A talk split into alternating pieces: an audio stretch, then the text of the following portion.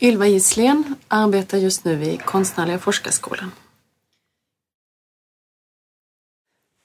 Han kom efter Homeros och före Gertrude Stein, en svår period för en poet, skriver Ann Carson om Stesikoros.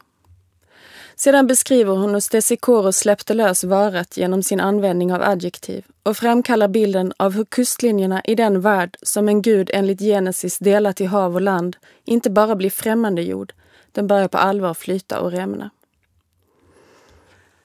Jag älskar den inledningsraden, jag vet inte hur jag ska förstå den. Men använder den för att låta mina fingrar på tangentbordet tänka kring vad Gertrude Stein skriver om mästerverk. Det hon skriver är att hon talar. Vem skrev? Vem talade? Handstilen i anteckningarna är ibland hennes, ibland Alice. Är någon av dem de vi tror att de var för att deras sätt att forma bokstäverna på papper med en penna skiljer sig sinsemellan och från andras? Jag vet inte. Stein hävdade att hennes hund visste. Deras hundar visste. Skulle jag skriva en efterskrift till varje mästerverk skulle den lyda Never be the dog. Men jag läser och lyssnar till Donna Haraway, ofta medan jag stryker. Hon som kallar hundarna våra medbrottslingar i evolutionens skurkstreck och som lärt mig att det mänskliga genomet bara återfinns i tiondelen av de celler som tillsammans konstruerar det väl både jag och andra kallar min kropp. Resten svampar, bakterier, protister och annat. Mycket av det spår och molekylära minnen från de hundar och andra följeslagare som känt igen oss genom årtusenden. Så vem är det som talar när det jag kallar jag talar? Ett annat sätt att släppa lös varet. Poesi och protister har en hel del gemensamt och vem ska jag eller ni skylla på när det ostyriga kollektiv som för tillfället konstituerar mina fingrar och min röst nu visat sig flyta och slämma sig bort från ämnet. Om det inte vore för att stillsamt insistera på att människans natur har med allt att göra, inklusive det eventuella skapandet av mästerverk. Och hundens dito. Gertrude hävdade själv att rytmen i hennes pudels vattendrickande lärde henne höra att stycken har känsla, meningar inte. Skilja mellan. Mellan Homeros och Gertrude Stein. Vad gjorde Homeros som gjorde det svårare efter honom? Han som kanske inte ens existerade som kropp 130 generationer före oss, kanske konstruerat som igenkännlig röst av andra berättare sedan. Han skrev ner, eller skrevs ner bör kanske sägas eftersom skrivandet så länge var, och ibland fortfarande är, slavgöra. Det som tidigare, och länge, länge, länge än, och fortfarande på nästan alla språk som talas, och det är de allra flesta, enbart sjungits eller talats. Nej, och jag tror inte det fanns eller finns mästerverk under de omständigheterna. Helt enkelt eftersom muntliga berättelser inte har någon existens annat än i de levande människornas minnen och handlingar. Behöver sörjas för av röster, omsorgas om av kroppar.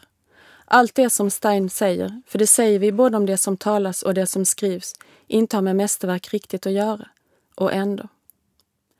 I Australiens norra territorier gav en gudinna under drömtiden vart och ett av sina barn ett språk att leka med. I den muntliga lyriken, epiken, dramat finns inga original. Varje komposition sätts samman i det ögonblick den framförs. Sånger och berättelser i muntligheten bestäms av sammanhanget, av de som lyssnar. Och viktigt är att alla vet att, och vad som inte sägs, har sagts och kunde sägas. I rättan tid har där precis allt med saken att göra, liksom vem som säger, vem som lyssnar. Men själva sången, poesin, berättelsen blir svår att haka fast vid epitetet mäster. Det flyter rör sig genom människors stunder, människors minnen. Riskerar inte kännas igen av hundar, katter eller Harry Bloom. Eller av Gertrude Stein som på salongen i Paris, enligt Hasse Alfredsson och Tage Danielsson, satte monocken till ögat och utropade “Marvelous” när hon fick syn på det första kubistiska äpplet. Alice säger “Yes Gertrude, marvelous”. “I'll take it”, säger Gertrude. Allt blev annorlunda sen. Den svåra tiden för poeter bröt sen ut. Med skriften blev verket som en möbel eller ett svärd som gick att snida, tälja, smidas, sparas. Istället för att som textilierna och broderierna vävas, rapsodieras och förgås.